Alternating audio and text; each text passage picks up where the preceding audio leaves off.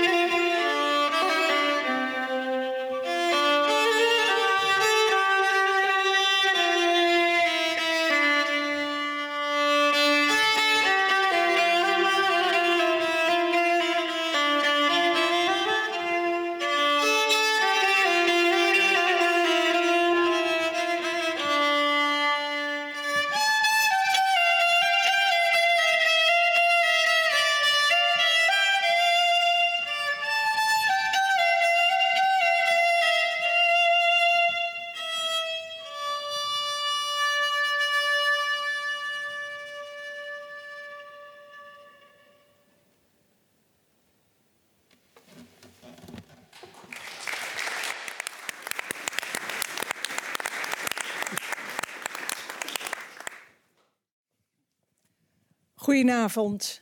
Mijn naam is José Sanders. Ik ben de rector van de Radboud Universiteit. En ik mag u vanavond welkom heten op deze 15e Holocaust Memorial Day getuigenis. Georganiseerd door Radboud Reflex in samenwerking met Comité 4 en 5 mei en de stichting Stolpersteinen. We luisterden net naar het lied Eufen Vek Steig Aboim, een Jiddisch lied van Itzik Manger. Uitgevoerd door violist Thomas Hoefman van het ensemble Kletsmoor. Hij zal vanavond nog twee stukken spelen als muzikale omlijsting van deze bijeenkomst. Met de Holocaust Memorial Day getuigenis onderstrepen we het belang om juist vandaag de herinnering aan de Tweede Wereldoorlog scherp op het netvlies te blijven houden. Ieder jaar werpt een persoonlijk getuigenis van een overlevende van de Holocaust een indringend licht op de wreedheden van de oorlog en op het besef dat vrijheid geen vanzelfsprekendheid is. In het bijzonder heet ik welkom de getuige van dit jaar, mevrouw Ganna Koppel de Vries en haar familieleden, vrienden en kennissen vanavond meegekomen met haar. Van harte welkom. Ganna Koppel de Vries werd geboren in 1943 in Amsterdam als jongste dochter in een Joods gezin van vier. Haar ouders woonden vlak daarvoor nog in Nijmegen, hier aan de Vosselaan. Daar zijn recent vier stolpersteinen geplaatst voor het gezin De Vries. Hun gedwongen vertrek uit Nijmegen was het begin van een serie deportaties. Van Amsterdam naar kamp Westerbork, naar kamp Bergen-Belsen en uiteindelijk naar het niemandsland bij het dorp, Duitse dorpje Treubitz. Na de oorlog zouden alleen Judith en Ganna de Vries, de twee jonge dochters van het gezin, naar Nederland terugkeren. Programmamaker Pam Teunissen gaat vanavond met Ganna Koppel de Vries in gesprek. En na het gesprek is er ook voor u de gelegenheid om vragen te stellen. We beginnen deze avond met een inleidende korte lezing door holocaustonderzoeker Ria van den Brand van de Radboud Universiteit. Zij doet onderzoek naar levenswijsheid in Joodse teksten en getuigenissen. In het bijzonder de relatie tot concentratiekamp Theresienstad. Als rector van de Radboud Universiteit ben ik verheugd en ook trots dat we ieder jaar u opnieuw mogen uitnodigen voor de bijzondere gebeurtenis die de Holocaust Memorial Day getuigenis is. En ik wens ons allen een bijzondere avond toe.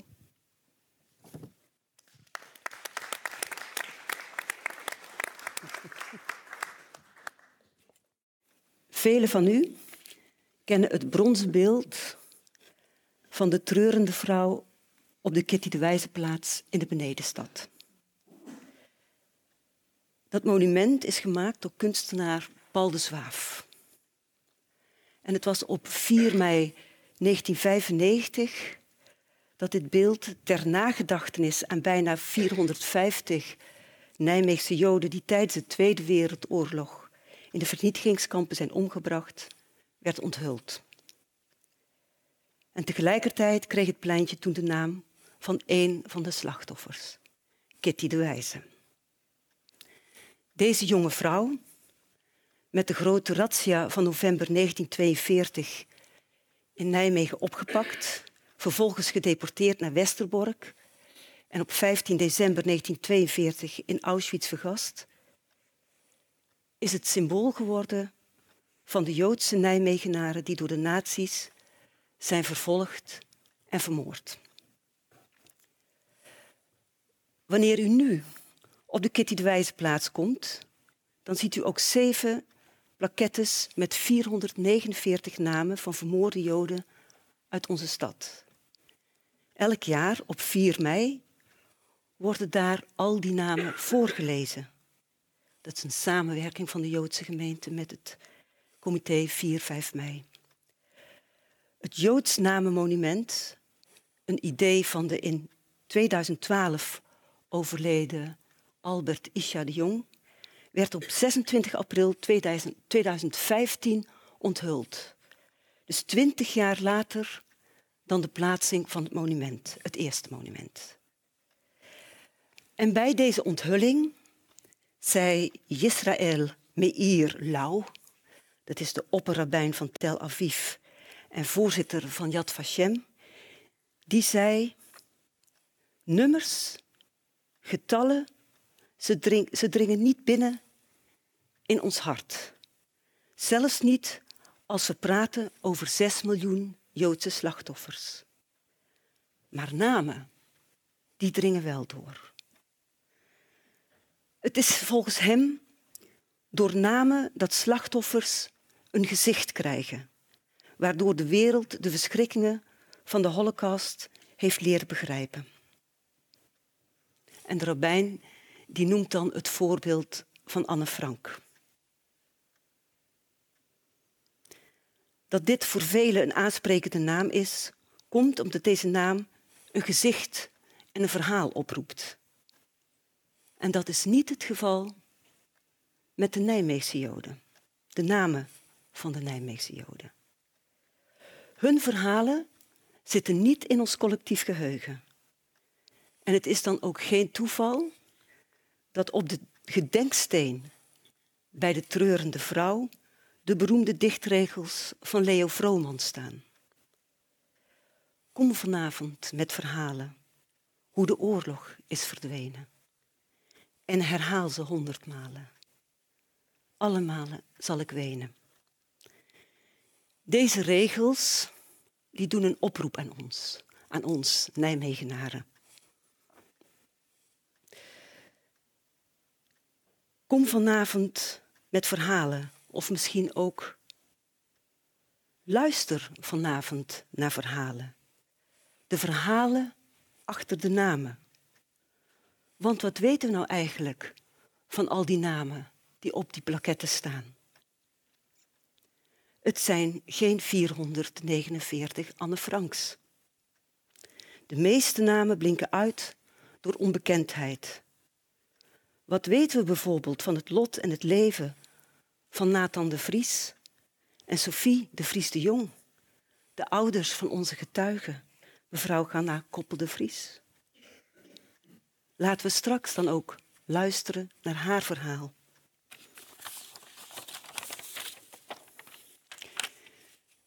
Kijken we naar de herinneringscultuur van onze stad, Nijmegen, dan zouden we kunnen zeggen, we hebben er best lang over gedaan voordat we werkelijk meer collectief, voordat we werkelijk meer collectief tijd en aandacht hadden voor de verhalen van onze vervolgde en vermoorde Joodse stadgenoten.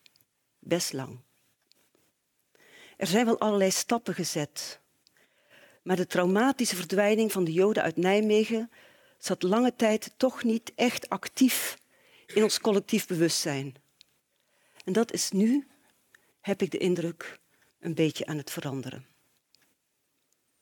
En misschien was het dan ook nodig dat eerst het boek van Frank Eliens verscheen, echt een standaardwerk voor Nijmegen.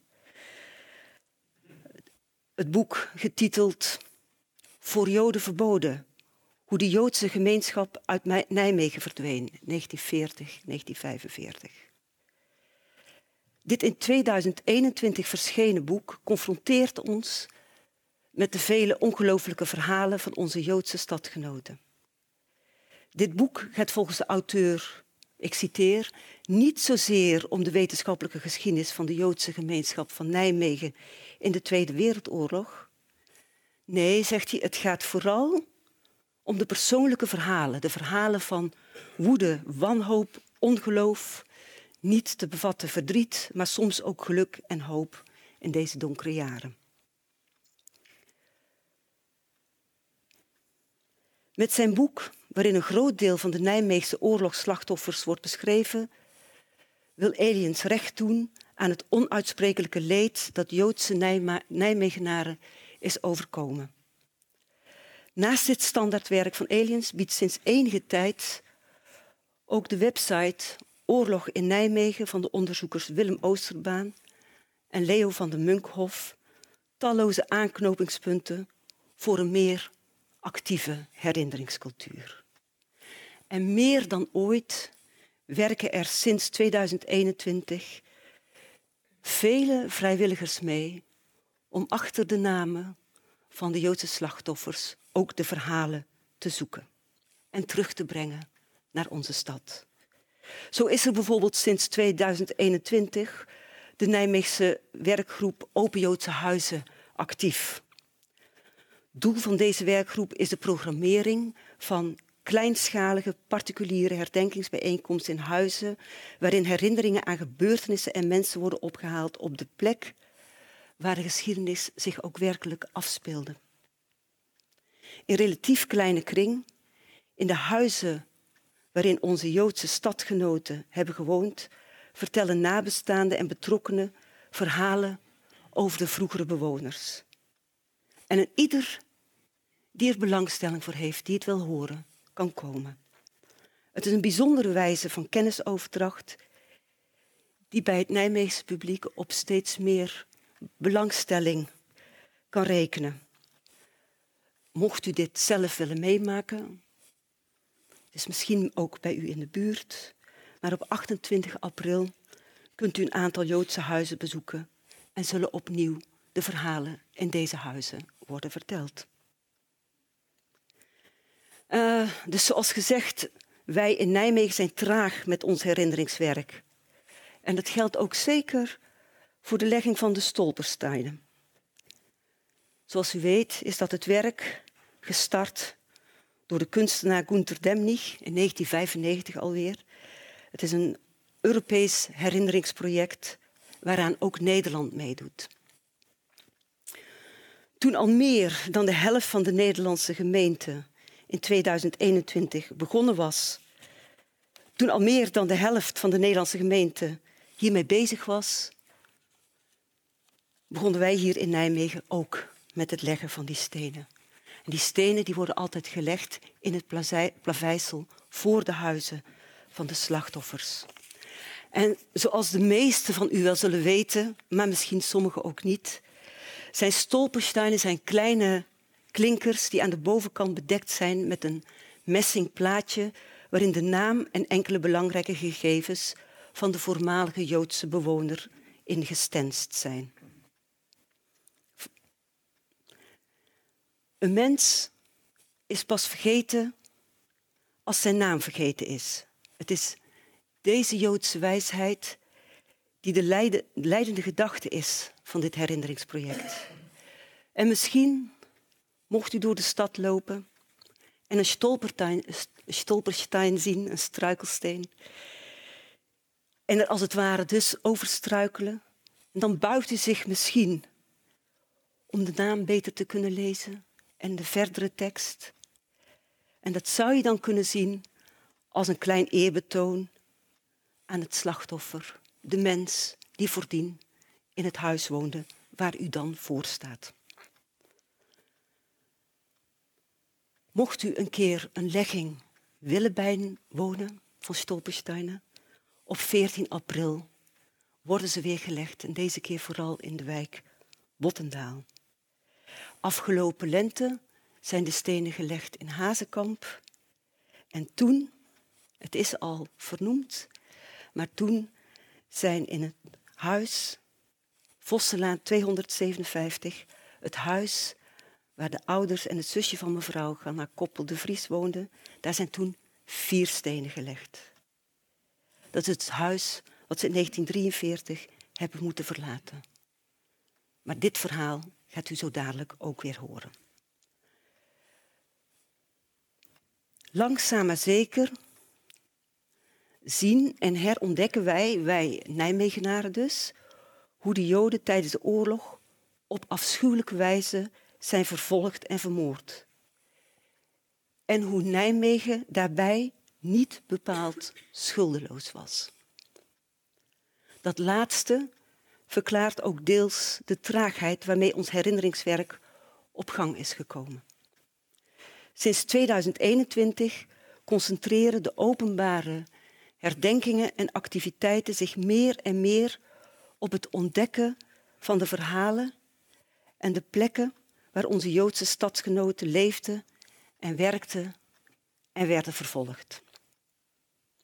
Bij de recente 80-jarige herdenking van de grootste razzia in Nijmegen, dat was in november 2022, konden wij de Nijmeegse Jodenvervolging op verschillende manieren tot ons nemen. Met behulp bijvoorbeeld van een theatervoorstelling, een expositie, een muurgedicht, extra boekuitgaves, educatieve projecten, levensgrote foto's van vervolgde Joden en een filmdocumentaire. Door middel van al deze middelen kwamen grote en kleine verhalen van de Jodenvervolging in Nijmegen steeds scherper tevoorschijn. Meer dan ooit wonen onze vervolgde medeburgers nu weer met en onder ons. En vandaag is mevrouw Ganna Koppel de Vries bij ons. Zij was slachtoffer, maar heeft het overleefd. En vandaag hoort u het verhaal achter haar naam en de naam van haar geliefde. Maar voordat wij naar mevrouw Koppel gaan luisteren, zal Thomas Roefman, Avinu, Malkeinu, onze vader, onze koning, is dat vertaald, een oud Hebreeuws Joods gebed, dat zal Thomas voor ons gaan spelen.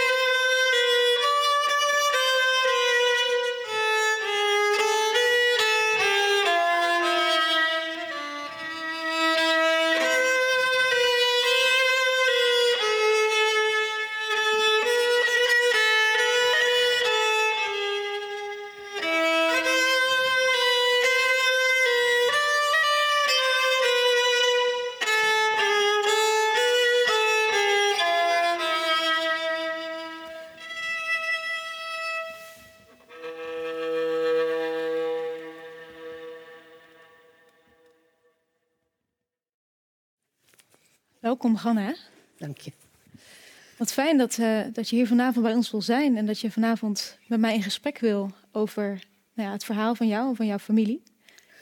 En uh, misschien goed om even te zeggen, uh, we hebben van tevoren even gepraat en um, jij wilde het liefste dat ik jou Ganna en jij en je noem.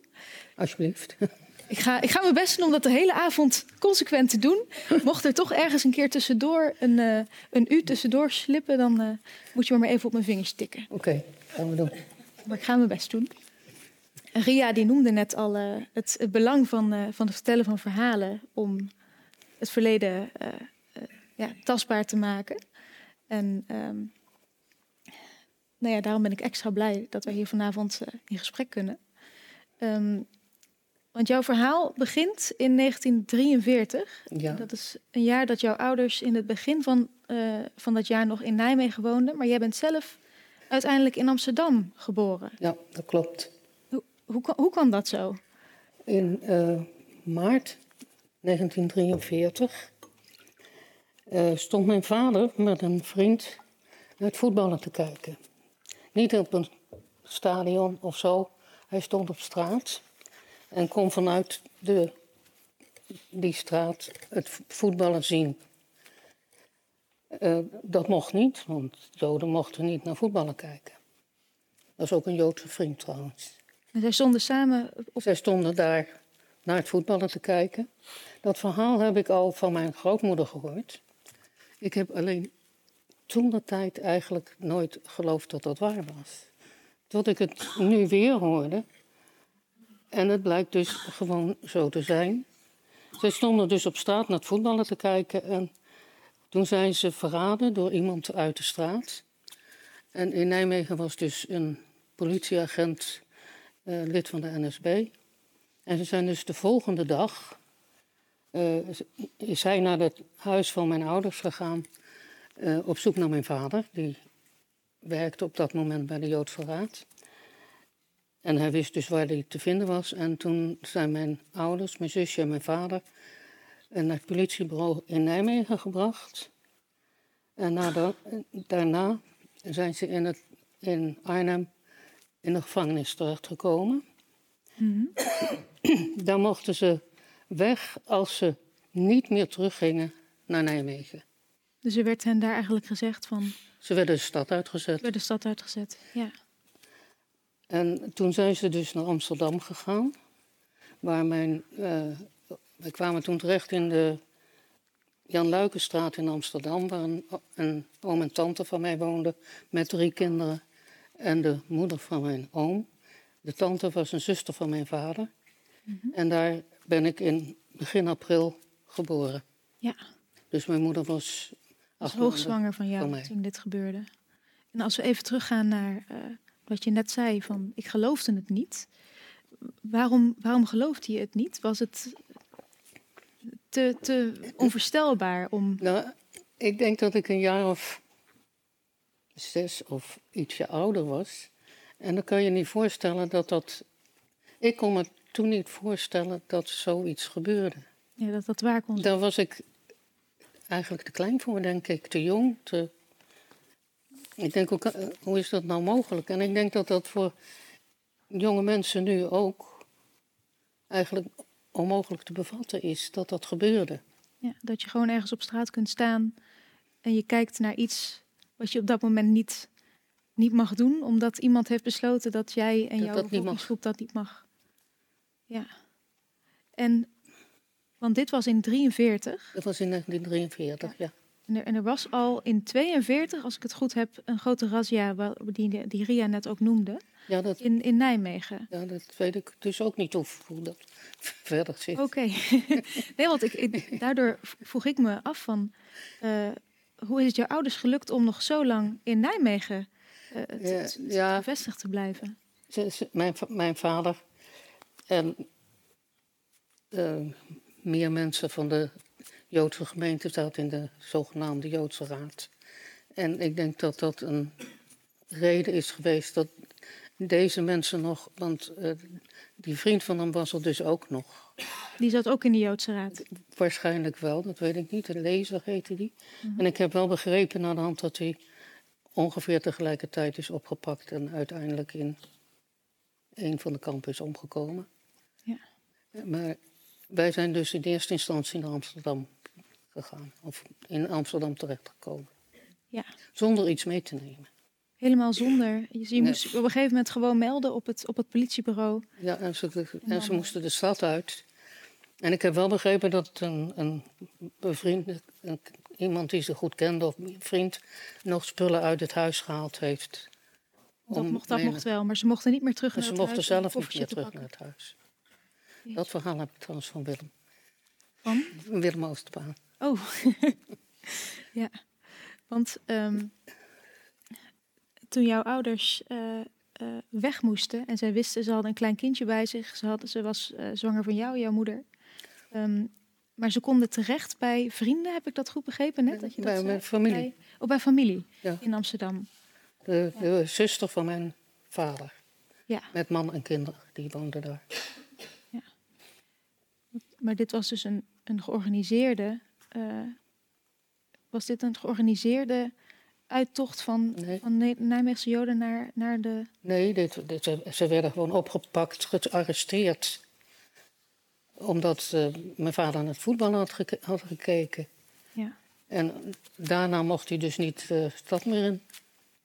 Nee, dus zelfs. Het was een arrestatie, een, een, simpel, een, een persoonlijke arrestatie. Dus daar, daar beschermde de, het lidmaatschap aan de Joodse Raad hem, hem niet. Nee, nee. Weet jij, misschien, misschien niet hoor, maar wat, wat, de, eh, wat de positie van de Joodse Raad was op het moment dat dit gebeurde? Want ik- ik hoor wel eens dingen van. eh, Ja, ik, ik, heb, ik weet dat eigenlijk ook niet. Ik weet dat, er, dat de Joodse Raad een slechte naam had op een gegeven moment. Of dat werkelijk zo was. Ik heb altijd het idee, ze deden ook hun best, want ze werden aangesteld door de, door de Duitsers. mhm, Ze moesten ook- de, de eh, opdrachten van de Duitsers uitvoeren. En ze probeerden dat misschien ook wel juist niet te doen, of juist wel te doen. Te proberen er een beetje tussendoor te. ja, om mensen in bescherming te nemen En door ja. bepaalde dingen dan niet te doen. En- Ik heb begrepen dat er Joodse raden waren die zo groot waren. wat helemaal nergens voor nodig was. Maar ze probeerden zoveel me- mogelijk mensen bij zich te houden. ja, precies, ja. Maar verder heb ik het ook maar van horen zeggen. Ja.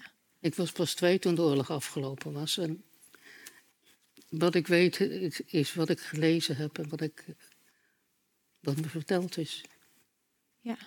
Want je hebt dus zelf geen, geen Ik heb geen aan- bewuste aan de- herinneringen. nee, aan de oorlog. Nee. Ja. Goed, dan komen ze dus in, in Amsterdam. Ja, En daar ben ik dus Daar word ik geboren. geboren op 2 april 1943. En op, in september van datzelfde jaar eh, gaan ze naar Westerbork.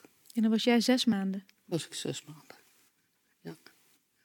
Dat kon dus gewoon gebeuren. Dat je, Dat, ja, dat je en, en als zes ik maanden weet oud dus alleen, ik heb ooit eens een, een persoonskaart van mijn vader opgezocht en daar staat, of van mijn ouders, daar staat op Westerbork met een datum. Hoe ze er naartoe gegaan zijn, weet ik dus niet. Ik was erbij, maar dat weet ik niet. Maar daar kwamen ze dus uiteindelijk en in januari 44, zover ik begrepen heb, zijn ze vanuit Westerbork naar Bergen-Belsen ge- getransporteerd. ja, en werden alleen zij opgepakt? Of alleen jullie in, met, met jullie Nou, gezin? Of niet. nog, meer, nog Dat veel meer niet. familieleden ook? Ja, de, de, zover ik weet, de hele familie die daar was. Behalve, ik heb begrepen dat eh, de zuster van mijn grootvader de Vries er ook was. Mhm. En die, die heeft. Daar staat niet bij dat ze naar Westerbork is gegaan. Dus die is op de een of andere manier misschien ondergedoken. En die heb ik nog gekend. Dus die heeft, de Die heeft het overleefd. Ja. En zij heeft nooit verteld waar ze... Nee, ik, ik zeg altijd bij ons thuis werd er niet over gezwegen, maar er werd ook niet over gepraat. En dat is niet zo gek, want wij waren maar klein. Ja. Ik bedoel, ik was twee, mijn zusje was zes. Mijn grootouders, die jong waren wij in huis kwamen uiteindelijk, die waren ondergedoken geweest. Er waren twee heel verschillende verhalen. En tante Dina, dus die moeder van de oom van mij, die ken ik alleen maar uit de verte. Ik weet dat, wie ze was. Mhm. Ik sprak niet met haar. Het was een hele oude mevrouw in mijn ogen. Nee, precies. Dus Ik denk hadden- dat ze van mijn leeftijd was. nu. Daar komen we allemaal ooit. Als we geluk hebben. Ja. En ze zat in de JI, maar goed. Oh, dat zeg je niks natuurlijk. De Joodse... eh, de- Joodse invalide in, eh, Amsterdam. Oh, oké. Nee, dat zijn me inderdaad nog niks, maar... Dat was dus eigenlijk een soort Joods bejaardentehuis. En eh, dat bestaat ook niet meer, maar da- daar woonden een heleboel Joodse mensen na de oorlog. Het bestond volgens mij voor de oorlog al, maar dat weet ik niet. En, ehm, Maar we dwalen een beetje af. oh, maar dat maakt niet uit. Daar ben ik voor. ik wilde net teruggaan naar... eh, eh, dat klinkt ook raar, teruggaan naar Westerbork. Maar, ehm, want jouw, jouw ouders en jij en eh, je zus Judith. Ja. Die, hoe, hoe- hoeveel leeftijdsverschil zat er tussen jou en Judith? Judith was net niet helemaal vier jaar ouder dan ik. Oké, dus die was een jaar of vier toen dat gebeurde. Ja. Die was, eh, ik ben in april geboren en zij werd in eind juni vier. Ja. Dus jullie zijn met z'n eh, met allen en met allerlei nog meer familieleden Naar Westerbork. naar Westerbork gebracht. En, en weet jij hoe, eh, ja, hoe dat eraan toe ging? Hoe, hoe jullie daar hebben, hoe jullie daar overleefd hebben? Ik denk dat ik net zoveel weet als iedereen hier in de zaal hoe dat werkte. Ik weet het niet. Je hoeft niet te zeggen hoeveel, hoeveel mensen in de zaal weten. Wat iedereen erover gelezen heeft, denk ik, dat weet ik dus ook eigenlijk niet. Ik weet niet hoe mensen naar West- eh, Westerbork eh, gebracht werden. Waarschijnlijk Oh met nee, de trein. dat, dat bedoel ik ook niet. Ik bedoel meer ehm, hoe, hoe, als je eenmaal in Westerbork zat. Hoe het dan toe ging, nee, dat weet ik niet. Nee, nee. Dus je, je zit met een, met een jong gezin, zit je in een, zit je in een brak, Ja, op een, in een doorgangskamp. in een doorgangskamp. Ja, en daar hebben jullie zes Paar maanden, gezeten, maanden. zoiets. Vrij kort volgens mij. En dan op een gegeven moment Naar Bergen-Belsen. komt het moment dat, eh, Met de je trein verder wordt naar. Bergen-Belsen. En, en weet jij hoe het, want jullie zijn al die tijd bij, elkaar, geweest. Ja, Weet jij hoe dat, hoe dat kon? dat, dat heb ik eh, kort geleden ook gewoon gehoord. Eh, eh, wij hadden ook allemaal een zogenaamd Palestina-certificaat. Dat had ook weer te maken met de Joodse Raad, geloof ik, maar dat weet ik niet zeker. wat, wat is dat voor iets? Eh, de Duitsers gaven dat uit om uiteindelijk eh, Joden te ruilen tegen vaak Duitse mensen die ergens zaten waar ze niet hoorden. Zo- heb ik het begrepen. Onder andere in Palestina, daar kwam dus het, wat, dat was toen Engels mandaatgebied. Mhm. En daar zaten eh, een groep eh, Duitse christenen, tempeliers, zover ik weet dat ze genoemd werden. En die werden soms uitgeruild tegen Joden. Eén één tante van mij is uiteindelijk echt uit Bergen-Belsen vandaan daar naartoe gekomen. Oké. Dus die Die- is, die is echt uit, uitgeruild. Ja, Weet de enige van de tegen- familie. weet waarschijnlijk niet tegen, tegen, tegen wat voor iemand. Want Nee, dat, dat weet je niet. misschien ook krijgsgevangenen of... Dat- alles is mogelijk wat mij betreft. Ja, Maar ik weet, die was dus al in Israël, eh, voordat Israël beheette. ja. Maar ik kan me voorstellen dat, dat zo'n Palestina-certificaat... dat dat dus... dat dat gewild was in die tijd. Dat was ook denk ik zo. Ja. En, en, maar in, in Bergen-Belsen werden dus de mensen met een ehm Palestina-certificaat in de zogenaamde sterrenkam, sterrenbarakken ge- geplaatst, maar met, per gezin. Niet zoals in andere kampen, de mannen en de vrouwen apart, maar hele gezinnen bij elkaar. Ja. En ze droegen daar nog de sterren, vandaar de sterrenkampen. Dus als je in de, als je in de Palestina-barakken zat... dan mocht je met als gezin bij elkaar blijven... en moest je nog een ster dragen. Ja. En als je daar niet terecht kwam, dan werd je uit niet. elkaar gehaald. Ja. En dan... eh, Zo heb ik het begrepen in ieder Ja. geval. En dat is dan, had alleen jouw vader zo'n certificaat of hadden jullie dat alle vier? Als gezin, denk ik. Oké, dus dat, dat, had, dat gold ook dan meteen voor de rest van het gezin. Als je, Denk ik. ja. En, en gold, was dat iets wat je dan meenam naar het volgende kamp? Als je dan door wordt, eh, wordt gedeporteerd? Ik, dat, dat weet ik niet. Ik weet ook niet of- het als een certificaat uitgegeven werd. Het- Misschien was het wel een stempel op de identiteit, identificatie. nee, ik Waar ook een J op stond. Ja, ja. Ik weet niet of het een papier was wat ze meekregen, dat weet ik niet. Maar waren er bijvoorbeeld, want, want jullie zijn eh, van, van Westerbork, jullie naar Bergen-Belsen gebracht. Ja? Ehm gold, daar, gold daar ook een, een soortgelijk systeem van verschillende barakken? Waar, Ik, ik, ik heb beg- begrepen dat dat eigenlijk alleen in Bergen-Belsen was. Bergen-Belsen was geen vernietigingskamp. Ver- Bergen-Belsen was een zogenaamd werkkamp. ja, waar te werk gestelden werden. Ja. Ja. Eh, er gingen natuurlijk ook een heleboel mensen dood. Maar het was niet een, een echt vernietigingskamp. Oh, dus de, dus de Palestina-barak waar jullie in zaten, dat, dat bevond zich al in Bergen-Belsen, niet in Westerbork. Nee, Oh, oké. Nee, dan, dan snap ik hem weer. Ja. Nee, dus dat, zo kwam het dat jullie, ehm, toen jullie eenmaal in Bergen-Belsen kwamen, met z'n vieren bij elkaar hebben kunnen blijven. Ja. ja. En, en dat, lijkt me ongelooflijk. Hoe, hoe hou je als, als ouders twee zulke kleine kinderen eh, ja in leven ge- gezond? Dat, dat, dat is heel moeilijk. Dat weet, dat, daar weet ik eigenlijk ook niet heel veel van. Wat, wat, mijn zusje praat er dus nooit ergens over. En, maar het enige wat ze ooit wel eens verteld heeft, is dat onze moeder altijd probeerde ons, onze haren zo schoon mogelijk te houden, zodat we geen luizen zouden krijgen. Ja. En als je nu bedenkt dat we nu weten dat luizen juist in schoon haar komen, Ja, nou ja. ik bedoel, ja, het ik snap de poging. Ja, Ik snap, ik snap de redenering. daarom. Er was natuurlijk ook heel veel ziekte in die kampen. Dat, dat was niet anders. Nee. En als je juist luizen kunnen die misschien dan wel weer, als je gebeten wordt door een luis, wel weer overbrengen. Waarschijnlijk, dat weet ik eigenlijk niet. En jullie, hoe lang zijn jullie in, eh in Bergen-Belsen geweest? Eh, tot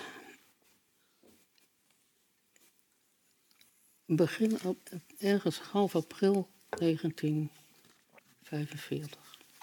Half april 1945. Dus dan komen we in de buurt van het eind van de oorlog. En toen zijn dus eh, heel veel mensen dus in de treinen gezet naar, weten we niet. Ja, men zegt Theresienstad.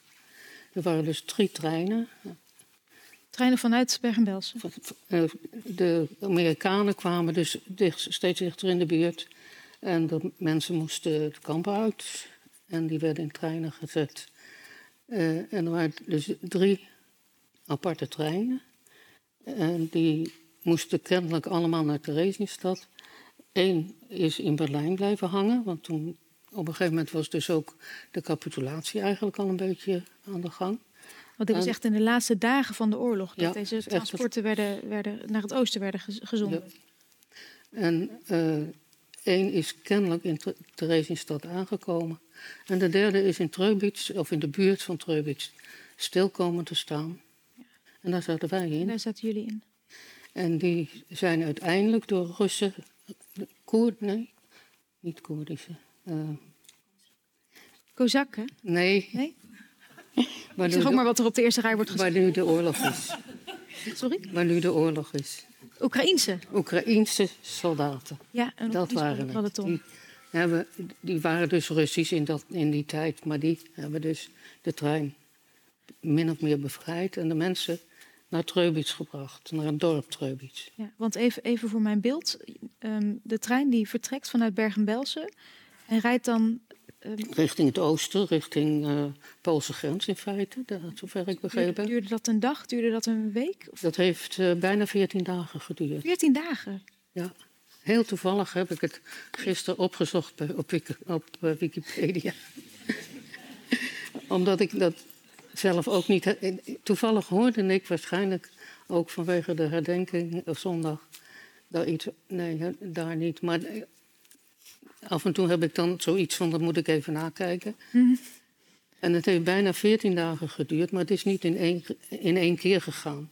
Ze moesten door Berlijn heen, waar nog gevochten werd. Was, daar konden ze haast niet doorheen. Ze zijn af en toe gestopt om de mensen eruit te laten. Want er was niks, niks er was geen eten, niks aan boord. Dus die konden dan ergens heen om wat te halen, stelen, weghalen, krijgen, weet ik veel. Ja. Maar het heeft bijna 14 dagen geduurd voordat de trein vanuit Bergen-Belsen in de buurt van Treubitz stilstond. Ja. En toen zaten er nog iets van... Een heel stuk minder, er waren heel, heel wat mensen al overleden. En die mensen werden naast de trein, naast de rails eh, begraven. Ja, dat kon ook niet anders. Als je... Dus, dat gebeurde gewoon. En eh, er zijn dus heel veel mensen al onderweg overleden. En uiteindelijk zijn er natuurlijk in Treubitz nog veel meer overleden. Want er, er heerste vlektyfus In de trein ook al. in de trein. Vanuit, vanuit het kamp. Waarschijnlijk al uit de, vanuit het kamp. Dus dan, dan, dan krijg je een trein. ehm, dan krijg je als dorpje van, nou, hoe, groot is. Treubitz? Klein, Klein, 700, 800 inwoners. Heel, heel weinig. Maar ze werden overlopen door het aantal mensen dat er uit de trein kwam. Ja, want, want dat was meer mensen dan in het dorpje. Ja, ja. Ja. En er was eigenlijk ook er was nauwelijks een ziekenhuis of zo. Maar daar hebben de, de Russen hebben daar wel voor, wat voor gezorgd. Dus er is wel iets van een ziekenhuis eh, ingericht. Ja. Maar dat nam niet weg dat er te weinig ruimte was om alle mensen te bergen. Nee. En een heleboel mensen zijn ook in. eh, hoe heet dat?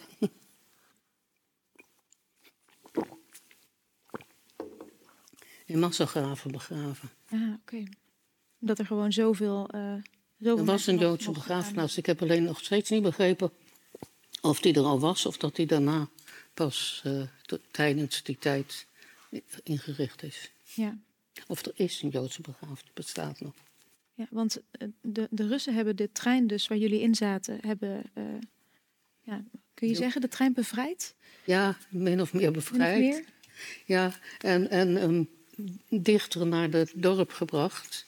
Mhm. In hoeverre daar een, re- een treintraject was, dat weet ik ook niet. Zo- zodat jullie konden worden opgevangen door Ja, dat, door dat ja. dorp. Ja. Dat lijkt me heel, heel overweldigend voor zo'n dorp ook. Ja, Wat, wat moet je daar dan ineens? eh, ja, hoe kun je voor zoveel mensen zorgen? ja, dat zal ook heel moeilijk geweest zijn. Ja. Want die, die- die uiteindelijk stel- eh, hadden die ook net een, een oorlog meegemaakt. Die, die oorlog was ook nog niet helemaal afgelopen. Nee. En die werden overstroomd met een paar, een, nou, een paar honderd, paar duizend. Ik weet niet eens hoeveel mensen. Veel. Veel, ja. Waarvan er heel veel overleden zijn. Ook in het dorp zelf zijn mensen overleden. Ook aan de tyfus. Die ziekte die hield zich natuurlijk niet alleen maar aan de Nee. mensen in de trein. Nee. Een heel besmettelijke ziekte. Dus dat, eh, en weinig medicijnen toen de tijd. Ja, nee, natuurlijk aan het eind van de oorlog. Ja. Dus daar is een soort, eh, ja, een soort eh, opvangplek, vl- vluchtelingenkamp ingericht. Nee, mensen zijn. eh, Er stond ergens, de mensen zijn door de Russen uit hun huizen gezet en de mensen uit de trein moesten daarin. Maar ergens moet dat door elkaar heen gelopen zijn, want die mensen moest, de mensen uit het dorp zelf, de bewoners, moesten toch, toch ook ergens blijven. Ja. Dus dat weet ik. Dan, zou, dan moet ik er naartoe om het te vragen. Maar jouw, jouw ouders en jullie die zijn dus, eh, dus daar terechtgekomen. En Ja. eh, zijn, jullie daar, zijn jullie daar lang geweest, weet je dat? Eh, we zijn in juni 45 in, in Maastricht naar Nederland gekomen. En in, maar, in 28 mei zijn mijn ouders overleden In Treubitz. in Treubitz. Mijn vader 's morgens en mijn moeder 's middags Op dezelfde dag ook. op dezelfde dag. En ergens in, in tussen eind eh, juni en eind mei zijn wij dus weer met de trein naar Nederland gekomen. Maar dan met de trein terug. Ja, En hopelijk een minder volle trein. Nou, misschien ook niet, trouwens. nou in die trein zaten niet alleen de Nederlanders. Eh, wat ik begrepen heb, is dat eh, een nicht van mij, die ietsje ouder is dan ik, die zei: het, waren, het, waren de, het was de Franse regering die, die, men, die ons die opgehaald hebben. Oké, wat is Of de Fransen in feite, maar daar mochten wij mee. En ik heb later van een ander gehoord, het was de Franse Rode Kruis. Oké, En er waren dus niet alleen eh, Fransen en Nederlanders, maar ook Belgen en, en misschien Duitsers. En die werden dus meegenomen die kant op. En ik heb altijd gedacht, omdat het de Fransen waren, zijn we in Maastricht uitgekomen. Want we kwamen dus uit Noord-Oost-Duitsland. En we kwamen in Zuid-Nederland. Ja, ja, ja, precies. Anders moet je maar een Of hele rare zo- bocht maken. Of het zo is, weet ik niet. Maar Nee. En in, in Maastricht zijn we dus door de Amerikaanse leger opgevangen.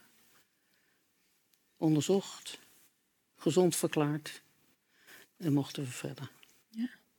Want even, even nog terug naar, naar de dag dat jouw ouders overleden zijn. Je zegt, die zijn op dezelfde dag overleden, allebei ook aan, aan, aan de vlektyfus. Ja. En weet je of ze dat van elkaar wisten? Dat, eh, Nou, ik ja, weet- Niet van elkaar, maar... Nou, ik weet van van, er was meer, meer familie van mij daar. uh-huh. En, en Allemaal in dezelfde trein ook, vanuit Ja, Bergen-Belsen allemaal zaten jullie met bij meer. elkaar, Ja. Eh, een tante van mij heeft ooit eens verteld dat mijn vader was overleden.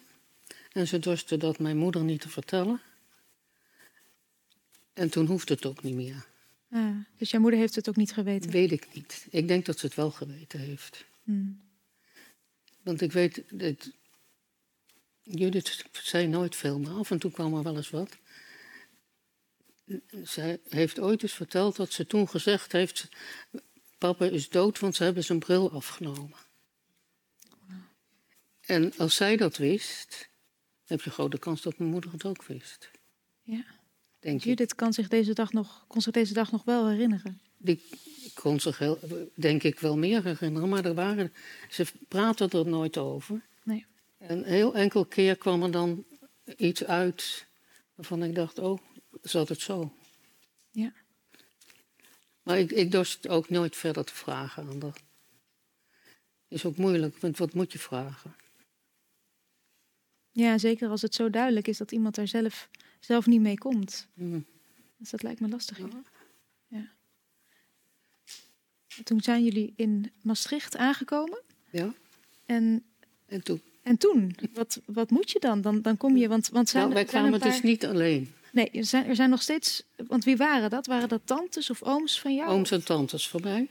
Dus van de De Friese kant. Mhm. Dus van mijn eh, vaders kant. Eh, broer, broers en zusters. Mijn vader had drie zusters en vier broers. Eén broer is in de trein overleden, dus in de trein naar Treubitz, zover ik begrepen heb. En, want wij zaten, heb ik begrepen, allemaal bij elkaar. En we zijn dus met die hele familie teruggekomen. En ik heb uit het verhaal van eh, Willem begrepen dat eh, wij met, de- met een van mijn ooms en tante en zijn kinderen eh, mee zijn gegaan naar- weer naar Amsterdam. Oké.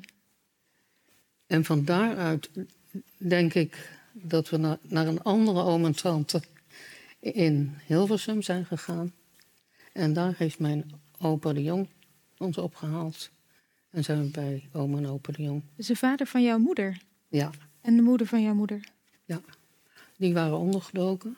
Ik dacht, ik wou net zeggen, hoe hebben die, hoe hebben die de, de oorlog overleefd? Die waren ondergedoken in eh, Loosdrecht. Mhm. Op verschillende plaatsen, geloof ik. Maar wat ik ervan weet, wat ze ooit wel eens vertelden, waren ze in een woonboot in Loosdrecht ondergedoken. Ja. En die hebben, we- weet jij hoe zij, hoe zij hoorden dat jullie nog in leven waren? Nee, dat weet ik eigenlijk niet. Ik weet wel dat eh, er zijn rechtszaken om geweest. Om, om de voogdij over jullie? Of, Ja. Dat. Ja, en dat was. Maar wie had hij dan aangespannen? Nou, eh, de, de- het verhaal is, wat ik gehoord heb, dat mijn ooms en tantes van de De Friese kant wilden ons wel opnemen, maar dan de een bij de een en de ander bij de ander. Hmm. En opa zegt, heeft altijd gezegd, mijn opa de Jong, dat hij had Nathan, mijn vader, beloofd dat als er iets gebeurde, zou hij op de kinderen, voor de kinderen zorgen. Ja, en hij wilde die belofte houden. Ja, en eh, zover ik begrepen heb, maar dat, dat ligt even anders, dat eigenlijk bij alle kinderen die terugkwamen uit de oorlog, ook onder, of, en ook ondergedoken kinderen, er altijd problemen waren naar wie ze toe moesten. Als er geen directe ouders meer waren. En er zijn heel wat eh, rechtszaken om geweest in, die peri- in de periode kort na de oorlog. Ja. En ook in dit geval dus. En oom en opa hadden dus eh, de voogdij over ons. En een van mijn ooms was toeziendvoogd. Dat, dat hoort altijd, hè? die is er altijd. En toen, en toen zijn jullie met, met opa en oma naar, Utrecht gegaan. naar Utrecht gegaan. En dat is ook waar jij bent opgegroeid uiteindelijk. Ik ben in Utrecht opgegroeid, in het huis waar ze voor de oorlog al woonden. Kijk, dus zij konden ook terugkeren naar hun eigen huis. Ja, dat is eh, eigenlijk een beetje vreemd. Ik heb ook eh, nog niet zo lang, lang geleden van weer iemand anders een eh, advertentie gekregen. En dat, dat was eerst een advertentie van een geboorte van een kind op Molièrelaan 8, waar wij woonden. Mhm. En dat was een NSB-gezin, dat stond er heel duidelijk in. En later vroegen ze om een werkster voor één of twee dagen om ook voor het kind te zorgen. Oh ja, dus zo kun je het. En, maar die, ik weet dus ook niet precies wanneer ze teruggekomen zijn in hun eigen huis. Maar ze zijn, ze zijn dus gewoon teruggekomen waar ze vandaan gegaan zijn. En, en kun jij je herinneren, want, want je zegt net, er werd niet over gepraat, maar er werd ook niet over gezwegen. Kun jij je herinneren of jij als kind hier vragen over had? Want je groeit op zonder, zonder je ouders, met je zus. Nee, ik, heb daar, ik, ik weet zeker dat ik daar geen vragen over had. Want ik denk dat ik gewoon besefte wat er gebeurde was. Ik bedoel, je, het is natuurlijk een hele vreemde situatie. Je bent heel jong, maar je weet niet beter. Nee. Het is normaal voor jou. Ja. En het was, het was ook heel, ja, het was heel normaal om daar te wonen. Ik woonde bij oma en opa. Ik heb ze ook nooit anders genoemd. Nee, Dat wilden ze ook niet. We zijn ook niet geadopteerd.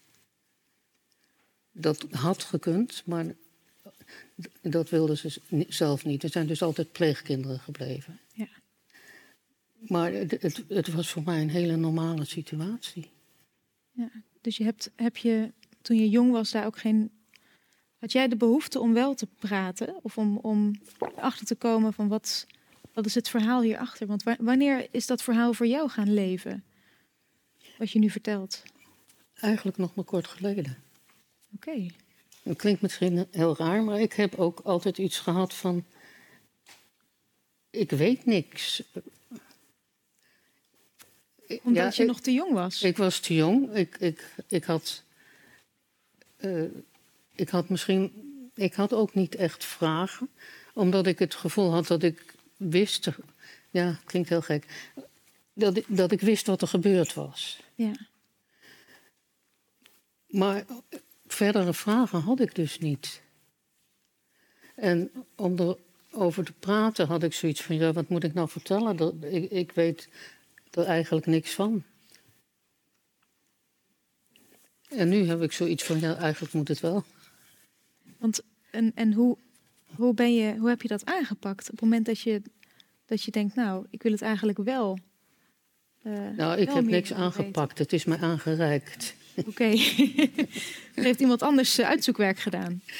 Eh, in feite wel. Ik, ik werd dus benaderd de- voor de Stolpersteinenlegging in de Vosselaan. Mhm. En daar heb Dat is ik waar de- je ouders zijn opgepakt, de Vosselaan. Ja, Ja, het huis waar het eh, vandaan weggekomen zijn. En eh, daar heb ik natuurlijk ook weer meer dingen over. Toen heb ik meer dingen gehoord. Over hoe het gegaan is. En eh, daarna heeft uh, Ruti mij gevraagd of ik er wat over wilde vertellen. Ja. En daarom zit ik hier. maar ik, en ik denk nu dat ik, dat ik, ondanks dat ik er zelf heel weinig van weet, dat het wel goed is om er toch over te praten. Want waarom, waarom vind je dat belangrijk? Omdat het eigenlijk niet te bevatten is dat je als baby van half jaar in een concentratiekamp terechtkomt. Ja. En daar vastgehouden wordt voor alleen maar wie je bent. En in feite gebeurt het tegenwoordig nog. Hmm. Er zijn nog zoveel dingen die spelen in de wereld, waardoor je denkt, ja, maar het is niet over. En daarom denk ik dat we moeten blijven vertellen, hoe weinig we ook weten. Misschien gewoon weer wat studeren. Om te vertellen wat er was en hoe, hoe het was. Ik vind dat je nog heel veel weet, wel. Misschien niet uit eigen ervaring, maar toch zeker eh Nou ja, het verhaal kunt vertellen. je probeert het. Ik heb dus, wat ik er misschien bij vertel, eigenlijk nooit willen lezen erover. Nee? Nee. Hoe, hoe kwam dat? Dat je dat niet... Ja, dat weet ik. Ik denk ook een beetje invloed van mijn zus. Maar ook. Het, het, ik heb. Dat, ik weet niet wie ik dat nou verteld heb. Ik heb eh, twee stromenland van Abel Hertzberg in mijn kast staan. Mhm. En ik dacht laatst, ik moet toch eens kijken wat hij er nou over schrijft. Want dat zijn boeken die hierover gaan? Of eh, dat Ja, die heeft die- gaan? in, in heel specifiek van hem, want hij zat ook in Bergen-Belsen. Ah, oké. En eh, ik heb de eerste bladzij gelezen. En verder ben ik nog niet gekomen. Nee. Op de een of andere manier gaat het niet. Want Waarom weet ik niet. je, je noemde je zus. Nou, Wat, wat heeft jouw nou, zus we hebben al een paar keer aangestipt. Mijn zusje was dus eh, zes na de oorlog. En in het begin werd er niet over gesproken. Of tenminste, wat moet ze vertellen? Ze weet het. Er werd thuis, wat ik zei, niet over gesproken. Er werd over onze ouders niet gezwegen. Maar echt over de oorlog kon, kon niet gesproken worden, want er was geen combina- combinatie. Er was geen gedeelde ervaring tussen nee, jullie. er was geen de- gedeelde geschiedenis. Nee. En mijn zus kon er dus eh, helemaal niet over praten. Die had, dat, eh, die had het er tot het eind toe heel moeilijk mee. Ja, want je, weet jij eh, op wat voor... Ja, hoe haar ervaringen haar nog hebben... eh, hebben die haar nog lang achterna gezeten? Of? Ja, dat, dat is een ding wat zeker is. Ja. Dat zal ook een van de redenen zijn geweest dat ze er absoluut niet over wil praten. Ze kon dus eh, niet tegen om, eh, vuurwerk, onweer. Dat was allemaal moeilijk. En dat heeft op jou het effect gehad dat jij daar eigenlijk ook een soort rem op hebt, op hebt Ik het ontwikkeld. Toch wel, ja. We hebben natuurlijk heel lang samen geleefd. Ja. Dus, en je neemt natuurlijk, het is je grote zus, je neemt misschien dingen over ook. Ja, en, en ik, ik heb op een gegeven moment wel zoiets gehad van ik wil toch wel wat meer weten. Maar ik ben, nou ja, het, het dagboek heb ik natuurlijk als kind al gelezen. Het dagboek van Anne Frank. Mhm. Maar dat tel- vertelt ook voor mij niet zoveel over wat er verder gebeurd is. Want op het moment dat ze in een kamp terechtkomt, is er, is er, staat er niks meer in. Nee, nee. Dus dat, dat was ook geen eh, hulp. En ik heb, ik heb een paar boeken in de kast staan, maar ze staan alleen maar in de kast. ik, hoop, ik hoop dat ik er nog ooit eens aan toe kom. En, en toen jullie opgroeiden bij je opa en oma, ehm, ik was nog wel benieuwd, speelde het Joodse geloof bij jullie thuis ook een grote rol na de oorlog? Tot op zekere hoogte. Wij, waren, eh, wij, wij zijn traditioneel Joods opgevoed. Mhm. Ehm, maar eh, en met de feestdagen waren we meestal bij de familie in, eh, van de andere kant, van de De Friese kant. Want mijn grootvader, de Vries, was rabbijn in Haarlem. Is trouwens in Bergen-Belsen ook overleden. En zijn vrouw ook. Maar die kant van de familie was nog wel heel vroom. En die kant van de familie, daar waren ook meer mensen van, die hadden het ook overleefd. Ja, ja van de. eh, Van de hele familie is er eigenlijk alleen om. Oma Hartog is alleen overleden in de, in de, op de reis. De rest is eigenlijk eh, allemaal wel teruggekomen. Ja. Vanuit, vanuit Reubitsch. Dus wat dat betreft ben je misschien ook wel alsnog wel opgegroeid omringd door, door familieleden. Ja, in zover dat we de, de feestdagen bij familie vierden. eh, Maar meestal toch in Utrecht eh, waren. En een nicht van mij zei altijd van jullie mochten nooit zoveel van oma. Hè? Dan dacht ik, we mochten niet zoveel, we mochten van alles. Was die beschermend? Want wij wilden niet altijd naar de familie in Amsterdam. Oh. Dat kan allemaal heel nuttig zijn. En ze, ze verzon altijd wel een smoes, kennelijk. Ja. Ben je zelf ooit naar Treubits teruggegaan? Nee, ik ben ooit een keer naar Bergen-Belsen geweest. Mhm. Met mijn eh, man. En ik moet zeggen, mijn man was eh, 16 jaar ouder dan ik. Dus die eh, had het wel heel bewust allemaal meegemaakt. Die had een Joodse vader. En we zijn toen naar Bergen-Belsen gegaan, kort nadat de muur was eh, gevallen, zeg maar. En hij was emotioneler dan ik. Daar, Hmm. dat, en toen, heb- het was maar een heel kort bezoek. Ik, eh, ik voelde me eigenlijk schuldig dat hij er was toen. Schuldig voor, Voor hem. voor hem dat hij dat... Want ik had, ik had geen emoties daar. Oh, op die manier. Het, het, het zei me helemaal niks. Op dat moment. Nee. Misschien heel raar, maar het was een kant, het was zo. Klaar. En Misschien omdat het voor jou eigenlijk altijd gewoon is geweest. Omdat het, Ja. omdat het in je... Ergens in mijn achterhoofd misschien. Ja. Ja, want nog- gewoon was het natuurlijk niet. Maar ik, heb er, ik, ik was er niet. Ik had gehoopt er wat te vinden, dat weet ik wel. Eh, misschien in herinnering aan mijn ouders. Maar er, er was alleen maar een kale vlakte. Ja.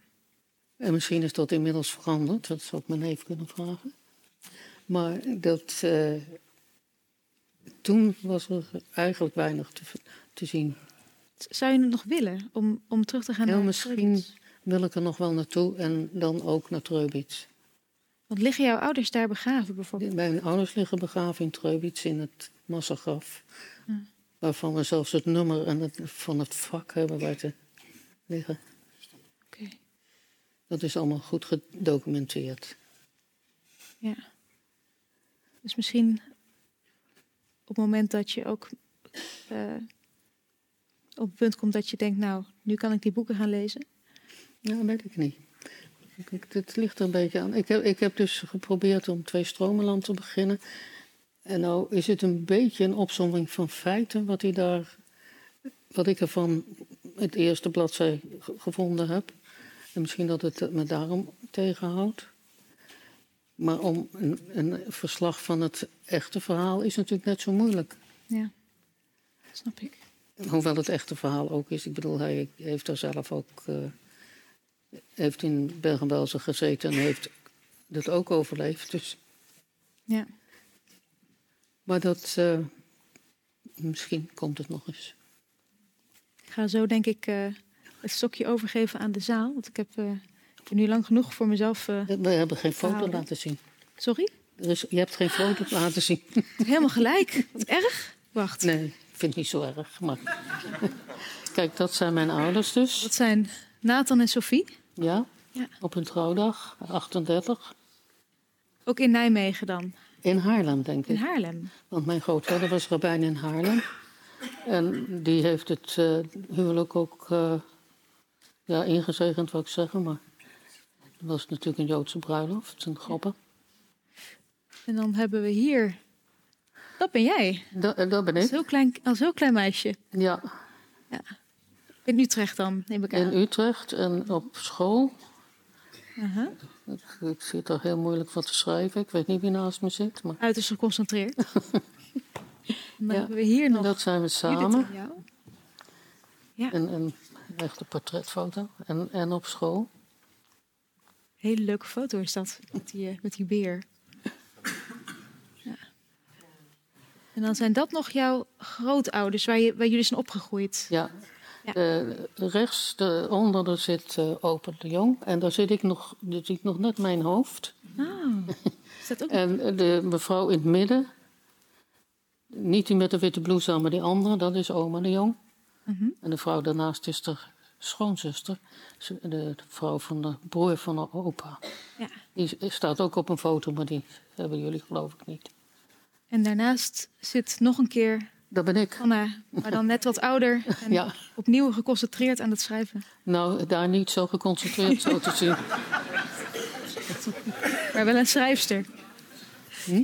Maar wel een schrijfster. Ja. Hey, heel goed dat je het toch even zegt. Dat ben ik inderdaad totaal vergeten. Maar dat is toch heel zonde was dat geweest. Ja. Oké. Ik denk eh, dat we met het oog op de tijd ook, eh, ook gaan afronden.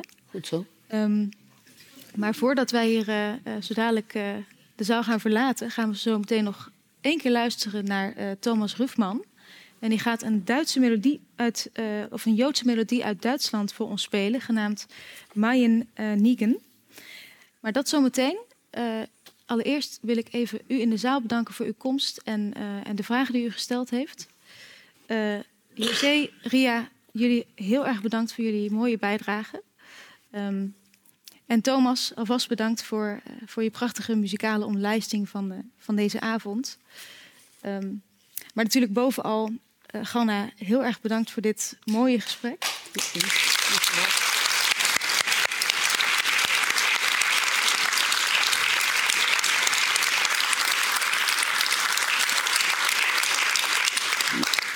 Ik denk dat ik niet alleen voor mezelf spreek als ik zeg dat, eh, dat het verhaal van, van jou en ook van je ouders en ook hun namen misschien dan niet in het collectieve geheugen als zodanig zitten na deze avond, maar wel in het collectieve geheugen van deze zaal. Oké.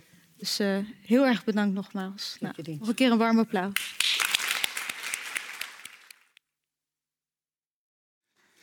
Muziek zal weliswaar voor, voor zichzelf spreken, maar toch wil ik nog één klein dingetje uitleggen bij deze melodie. Het heet Meien Nigun. En Nigun is een lied, eigenlijk op Jiddisch een lied, een melodie, maar vooral een lied zonder woorden. En de Meien Nigun is de weigeringsnigun bij de bruiloftsceremonie. Daar wordt wel gevraagd, net als in een Hollywoodfilm, wil je echt met deze man trouwen? En dan kan de bruid nee zeggen. En ik speel deze melodie heel graag, omdat jullie eh, zullen kunnen horen. Het klinkt minder oosters dan de andere Joodse nigunim, omdat het uit Mainz is overgeleverd. En ik speel het ook vaak op demonstraties. Het is een weigeringsmelodie om ons aan te moedigen nee te zeggen. Heel vaak is het nodig heel duidelijk nee te zeggen. En dat wil ik even kwijt. En ehm, als jullie willen, een nigun is eigenlijk bedoeld om samen te zingen, oftewel te neurien. Dus dat is allemaal toegestaan. Ook al gebeurt dat hier misschien niet zo vaak. Ik zal mijn best doen om jullie aan te moedigen om de melodie, of tenminste van binnen, eh, mee te zingen. Ja.